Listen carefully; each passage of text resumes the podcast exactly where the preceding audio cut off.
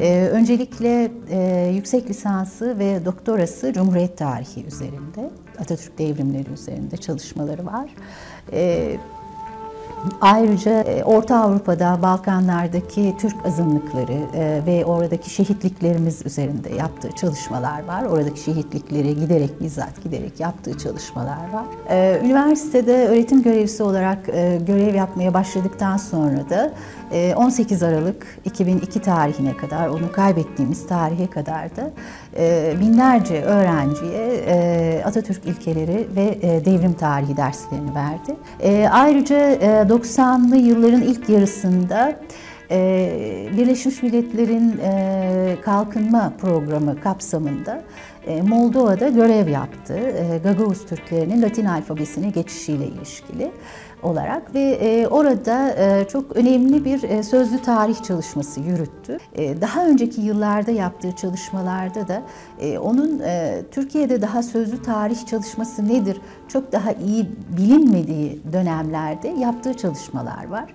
E, onun e, ciddi bir e, Türk milliyetçisi olmasının ötesinde başka bir şey olması beklenemez bu e, yaşam ikliminde e, olduğu için. Aynı zamanda son derece inançlı biri. Çünkü bunu özellikle söylemek istedim. E, o yönüyle de çok yargılandı e, öldürülmeden önce. E, ona gelen tehdit mailleri onun hep ne kadar dinsiz olduğunu ona söylüyordu. Dolayısıyla bunu söylemek istiyorum çünkü babası medrese mezunu bir insan. Ama son döneme baktığınızda tabii ilgilendiği alan Türkiye'nin güncel konularıydı, ilgilendiği alanlar. Ee, özellikle Türkiye'de ve e, Türkiye dışında faaliyet gösteren köktenci e, çeşitli gruplarla, dinsel ve diğer terör örgütleriyle ilişkili yine e, Kırım'da Türk soykırımını e, ele alan çalışmaları vardı. Son dönemde belki de onu e, Türk halkının akademik dünyanın dışında, bilim dünyasının dışında e, önünde görünür hale getiren ve e, Türk halkının e, ilgisini çeken e, önemli çalışmaları var. Bunlardan bir tanesi Alman Vakıfları ve Bergama dosyası. Bir diğeri de Köstebek oldu. Bakıyorum aslında e, bugün e, yaptığı çalışmalar e, Türkiye'de birçok insanın aa işte çok riskli konular diyeceği şeyler aslında. Öyle olmaması gerektiği halde öyle düşündürtülen konular, bize öyle düşündürtülüyor.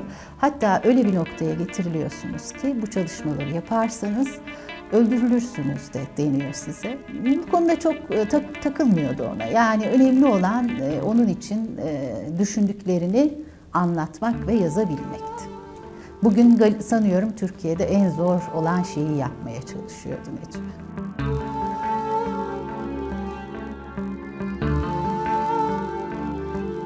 Şimdi tabii bu çalışmaları yürütürken e, bir takım baskılarla karşılaştı Necip. Televizyonlarda e, çıkıp konuşmaması için, gazetelere bir takım demeçler vermemesi, bu tür çalışmalar yapmaması için bir takım baskılarla karşılaştı.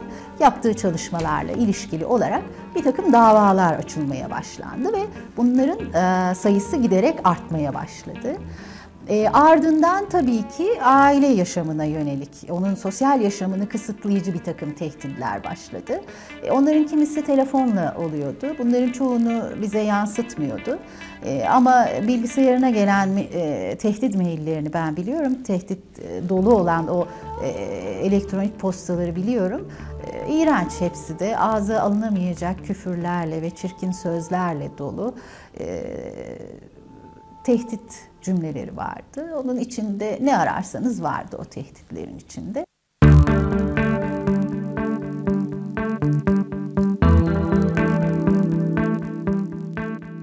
Necip böyle bir beklentiyle ömrünün e, son 5-6 yılını geçirdi. Bir gün böyle bir şeyin başına gelebileceğini bilerek yaşadı son 5-6 yılını. Biz e, araçlarımızın kontaklarını 100 metre uzaktan çalıştırabilecek düzenekler taktırmıştık araçlarımıza. Yani öyle bir hikayesi var ki Türkiye'nin aydın soy kırımı diyorum ben ona. Ee, işte ya bombalanıyorlar onlar, bir takım düzenekler yerleştiriliyor. Ya sokak ortasında, evinin kapısının girişinde bir silahla öldürülüyorlar. Hepsi hain pusu. Ortak noktaları o. E, ama birinden biri geliyor başınıza. Yani ben ona bazen de ölümlerden ölüm beğenmek diyorum. Böyle şeyler üzerinde çalışırken insanlar ölümlerden ölüm, ölüm beğeniyorlar. E, sonra siz faillerden fail beğeniyorsunuz. Böyle bir e, sistemi var e, Türkiye'nin. Dünyanın hangi uygar ülkesinde e, kendi ülkesinin devamlılığı için çalışmalar yürüten aydınlara bu kadar sıklıkla suikast uygulanıyor da e, o insanlar kendi kendilerini korumak zorunda kalıyorlar. Ben çok merak ediyorum açıkçası. İki kızımı karşıma alıp e, böyle bir şey yaşarsak ne yapacağımızı konuştum. Ve çok kötü bir tesadüftür bu ve çok acı duyuyorum bunu hatırladığımda. 18 Aralık'tan sadece 4 gün önce konuştum. Ve keşke konuşmasaydım, keşke hiç böyle bir şey düşünmeseydim diyorum. Biz e, 2001 yılında Necip'le Avrupa'da bir toplantıya katıldık. E, Atatürkçü Düşünce Derneklerinden birinin davetlisi olarak. Orada bir akşam e, resepsiyonunda bir grupla e, birlikte konuşurken Necip, ben de bir kenarda oturdum, dinlendim. O sırada hemen yanımda bir başka grup e, kendi aralarında konuşuyorlar. Onların yanındaki bir bey dedi ki gelin dedi sizi Ankara'dan hocalarımız geldi tanıştırayım. E, siz de tanışın dedi. Ve hanım şöyle söyledi. Ben dedi tanışmak istemiyorum, ısrar etmeyin bana dedi. Daha önce Ahmet Taner Hoca geldi, tanıştım ve bu insanlar Türkiye'ye gidince öldürülüyorlar ve ben burada çok üzülüyorum, tanımak istemiyorum dedi. Ben o günü hiç unutamıyorum. Bunu Necip'e söylediğimde o gülümseyerek karşıladı bu olayı. Ee, ben o, o gün çok kötü hissettim kendimi. Ama öyle bir şey ki yaşam sizi öyle bir kuşatıyor ki bir süre sonra bunları unutuyorsunuz. Çünkü başka türlü yaşamanıza imkan yok. Başka türlü sokağa çıkamazsınız. Başka türlü e, evinizde de oturamazsınız. Buna imkan yok. Ve bu bunları planlayan insanlar sizin o boş anlarınızın çok iyi farkındalar.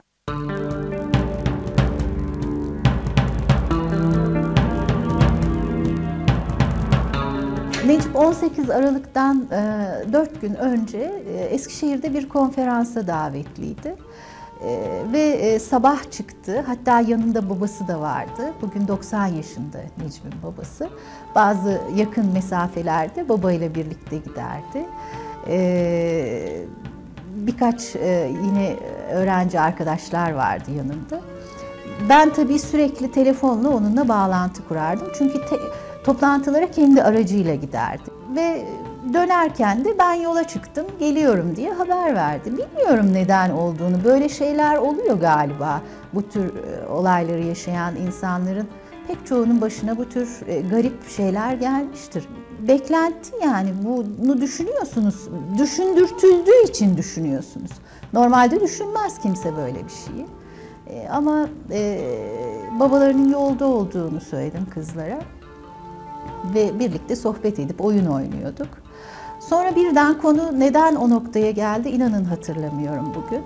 Ama e, bir gün birimizden birinin yanlarında olmamasının onları sevmediğimiz ya da onları yalnız bıraktığımız anlamına gelmeyeceğini ve e, hangimiz olmazsak o giden insanın gidenin anne ya da baba kimse onlardan çok güçlü olmasını beklediğimizi anlattığımı çok iyi hatırlıyorum. Ve hatta sonunda ağlamaya başladım ve e, çocuklar da çok etkilendiler. Aslında pek sağlıklı bir durum değil.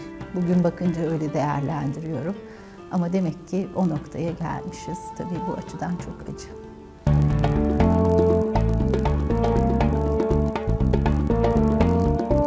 ...18 Aralık günü bizim için son derece sıradan bir gün e, çarşamba günüydü. Pazartesi, salı Ankara'da bir e, sempozyum vardı. Ben ona katılacaktım ve çok karlı bir haftaydı Ankara için. E, ve pazartesi, salı iki gün beni Necip götürdü toplantı salonuna. Dönüşleri kendi başıma yaptım. E, çarşamba günü e, biliyorum ki Necip bir sonraki gün Çankırı'da e, bir toplantıya davetliydi. E, Ermeni e, meselesiyle ilişkili bir konferansı vardı. E, ona gidecekti. Hem onun hazırlığı içindeydi.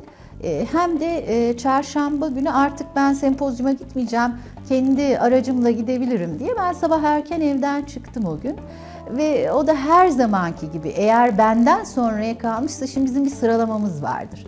Önce çocuklar servise biner, biz ikimiz çocukları uğurlarız, ikimiz birden onlara bakarız, el sallarız. Eğer ben önce çıkacaksam Necip'ten o hemen çalışma odasının penceresini açar. E, ben arabayla hareket edinceye kadar beni beklerdi. El sallar gönderir. Yani böyle bir düzenimiz var bizim. Bir de biz çok rutin yaşayan bir aileyiz. İşte sabah ne yaparız, akşam nereye geliriz, e, ders saatleri olan insanlarız. İkimiz de üniversitedeyiz. E, dolayısıyla bir düzenli yaşamımız var bizim. Hani e, toplantılarla yapılan seyahatlerin dışında son derece düzenli bir yaşamımız var. Ben o sabah arabamı birkaç gündür kullanmadığım için camlarındaki buzları ve karları temizlemeye çalışırken bana doğru bir de zemin çok buzlu olduğu için özellikle fark ettim. Bir aracın yaklaştığını gördüm. Benim aracımla yan taraftaki araç arasında bir araçlık bir park yeri vardı. Başka bir yığında yer varken gelip oraya park etti. Aracın içinde iki tane genç vardı. Birisi e, daha kilolu, açık renk tenli ve açık renk saçlı. Birisi zayıf. E, bu tanımlamaları yapmam ne kadar doğru onu da açıkçası bilemiyorum ama yani ikisinin tipleri birbirinden farklı. İki tane genç vardı araçta. Son derece keyifliler, neşeliler, gülüyorlar. Ama benim dikkatimi bir şey çok e, fazla çekti.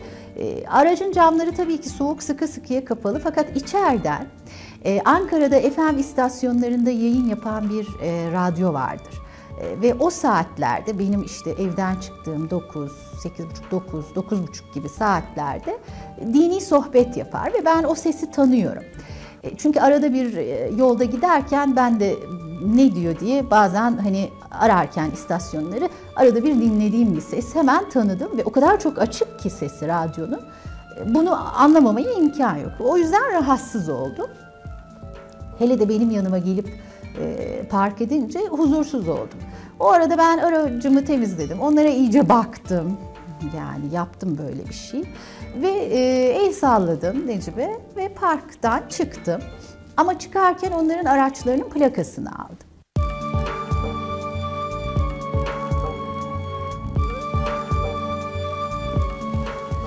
Ben park yerinden çıkarken araçlarının plakasını aldım ve rahatsız olduğum için bunu Necip'e söylemek istedim. Cep telefonu yanımda olmasına rağmen de aramadım. Fakülteye gideyim ararım dedim. Çünkü gün içinde e, akşam saatinde dersi dışarı çıkmayacağını biliyordum. E, o gün evde bizde dedemiz de vardı. Birlikte vakit geçireceklerdi ve ayrıca zaten çalışacaktı Necip. Bir sonraki gün toplantısı vardı. E, fakat yolda ne oldu? Ben fakülteme gidince ne oldu? İnanın bunları hatırlamıyorum. Ve ben arayıp bunu Necip'e söylemedim. Ve öğle saatlerinde Necip beni telefonla aradı. Bana dedi ki, Aa dedi sana bir haberim var Şengül. Ee, Çankırı valisi bana araç gönderiyor. Ee, ben kendi aracımla gitmeyeceğim. Sen rahatsız oluyorsun, sevinirsin diye haber vereyim dedi.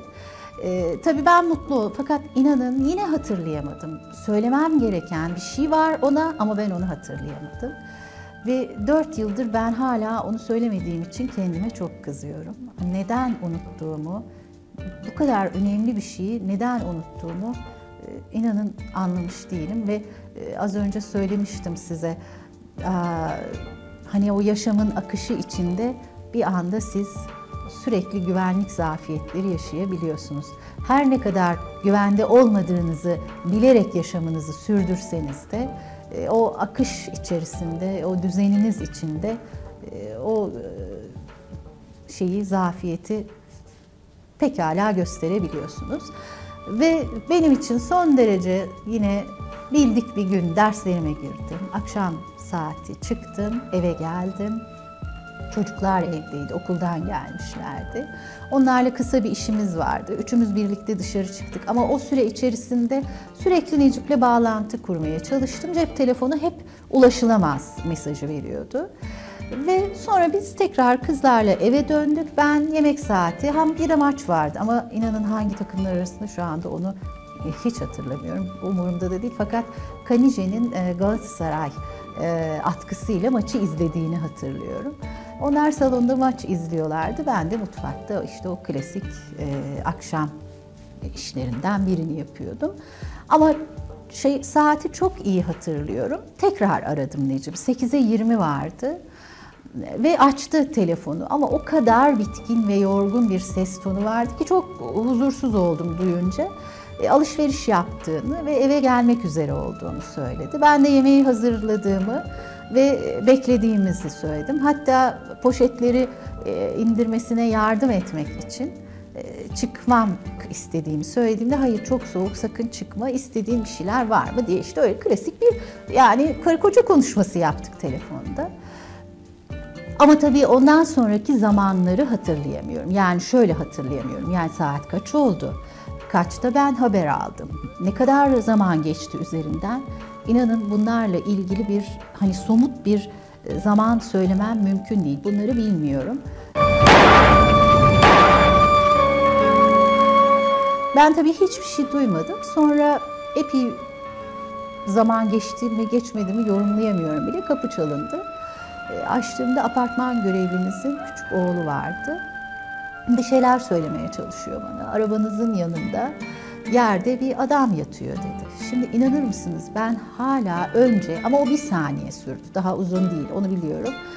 Onun Necip olabileceğini düşünmedim. Allah Allah yaptım kendi kendime. O arabalarımızı park ettiğimiz açık alana doğru balkon kapısına yönelip yönelik baktım. Yok burada dedim. O arada garip olan şey üst kattaki komşunun balkonda, o soğukta balkonda olmasıydı. Ama onu da o an tabii garip olarak değerlendirmedim. Fakat birden tekrar kapıya yöneldiğimde çok kötü oldum. Eyvah dedim bir şey var.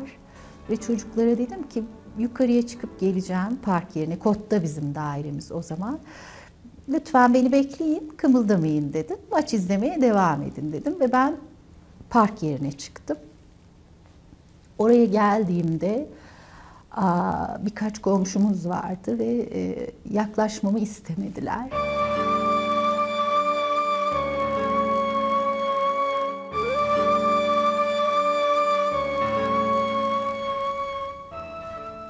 Ve gittim, ulaştım yanına. O anda ben de ölmek istedim yani öyle mekanik, öyle metal bir hale dönüş, metal gibiydim. Hiç yani e, canlı değildim o anda. Ve sadece baktığımı ve şöyle söylediğimi hatırlıyorum. İşte oldu dedim. Bu çok kötü bir şey tabii, bunu söylemek çok kötü. Ve ardından onlara yaşayıp yaşamadığını sordum. Dokunamıyordum bile. Sanki dokunursam e, öldü diyecektim. Onu da söyleyemedim. Onu gördüm. İşte oldu. Ne yapacağız şimdi? İşte oldu dediğimi hatırlıyorum ve inanır mısınız? Ambulans ve polis çağırdık dediklerinde komşularımız. Ben tekrar eve gittim. Onu orada öylece bırakıp eve gittim. Ve hemen kızlarıma söylemek zorundaydım. Çünkü o arada eve telefonlar gelmeye başlamıştı. Ve bu kadar süre içerisinde televizyonların nasıl altyazı geçtiklerini ben anlayamadım. Çocuklar altyazıyı önce görmüşler ve sonra telefonlar gelmeye başlamış. Ve inanır mısınız o ikisini koltukta bulduğum manzarayı ölünceye kadar unutmayacağım. İkisi birbirine yapışmış, küçülmüşler, tek çocuk gibi duruyorlar. O kadar sessiz ağlıyor ki ikisi de hiç sesleri çıkmıyor. Ve onlara geçen gün konuşmuştuk ya artık babanız bizimle değil dedim. Ama bir şey istiyorum sizden ben tekrar yanına dönmek zorundayım. Onu orada yalnız bırakamam. Eğer bizi seviyorsanız hiç sesinizi çıkarmayın. Birlikte sonra çok uzun uzun ağlayacağız dedim.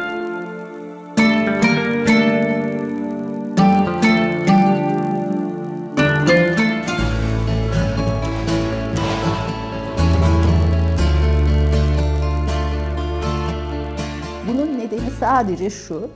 Bugün Hrant Dink'in ailesinin acısı da aynı acı. O insanlar ve bugüne değin öldürülen bütün insanlar sadece ve sadece düşüncelerini toplumla paylaştıkları için ve yazdıkları için öldürüldüler. Başka bir şey söylememe gerek yok yani. Nedeni bu. O zaman kimi suçlayacağım? Ne kendimi ne de Necip'i suçlama hakkım yok bu noktada. Ve bir tek şey yapabildim. Ona dokunmayı çok istemiştim ama o arada cenaze arabası geldi.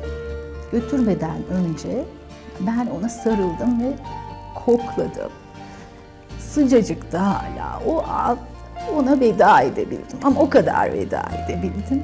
Sadece o anda ona, onu koklayarak veda ettim. Ve arkasından baka kaldım. O kadar.